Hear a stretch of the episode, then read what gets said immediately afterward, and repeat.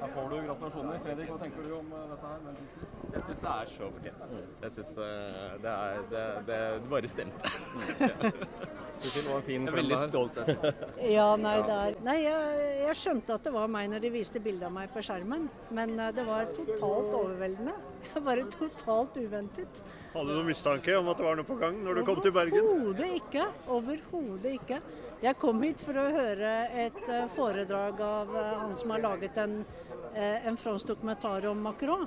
Det var derfor jeg kom hit. Og så spurte de om jeg kunne dele ut en pris, og det syntes jeg var veldig gøy. Jeg vet ikke hvor bra det gikk, men at jeg skulle få en pris, det ante jeg ikke noe om. Nei. Hva betyr denne prisen for deg? Ja, Den betyr veldig mye, for jeg har jo jobbet, eh, jobbet veldig mye i 20 år, da, 30 år kanskje. Jobbet og stått på hele tiden og brent for utenriksjournalistikk.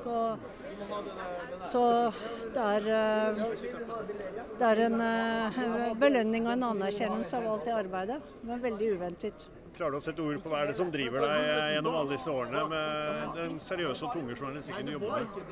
Det er jo veldig mye nysgjerrighet, og så er det en stor, eh, et stort ønske om å formidle og forklare hvordan verden er skrudd sammen. Så jeg er veldig opptatt av historie for å fortelle ikke sant, hvordan skjer det, hvorfor skjer det. Og ofte så ser du det i historie, og så må du høre hva menneskene sier, de som bor i områdene. Du er fortsatt aktiv. Hva er planene fremover? Nei, jeg håper at jeg får dra og dekke Tyrkia-valget. Hvis det blir en eh, omgang nummer to, så får jeg kanskje lov til det. For jeg er veldig glad i Tyrkia, jeg har veldig lyst til å følge med. Ja. Hvordan blir det å komme tilbake på Marienlyst? Nei, det blir veldig overraskende.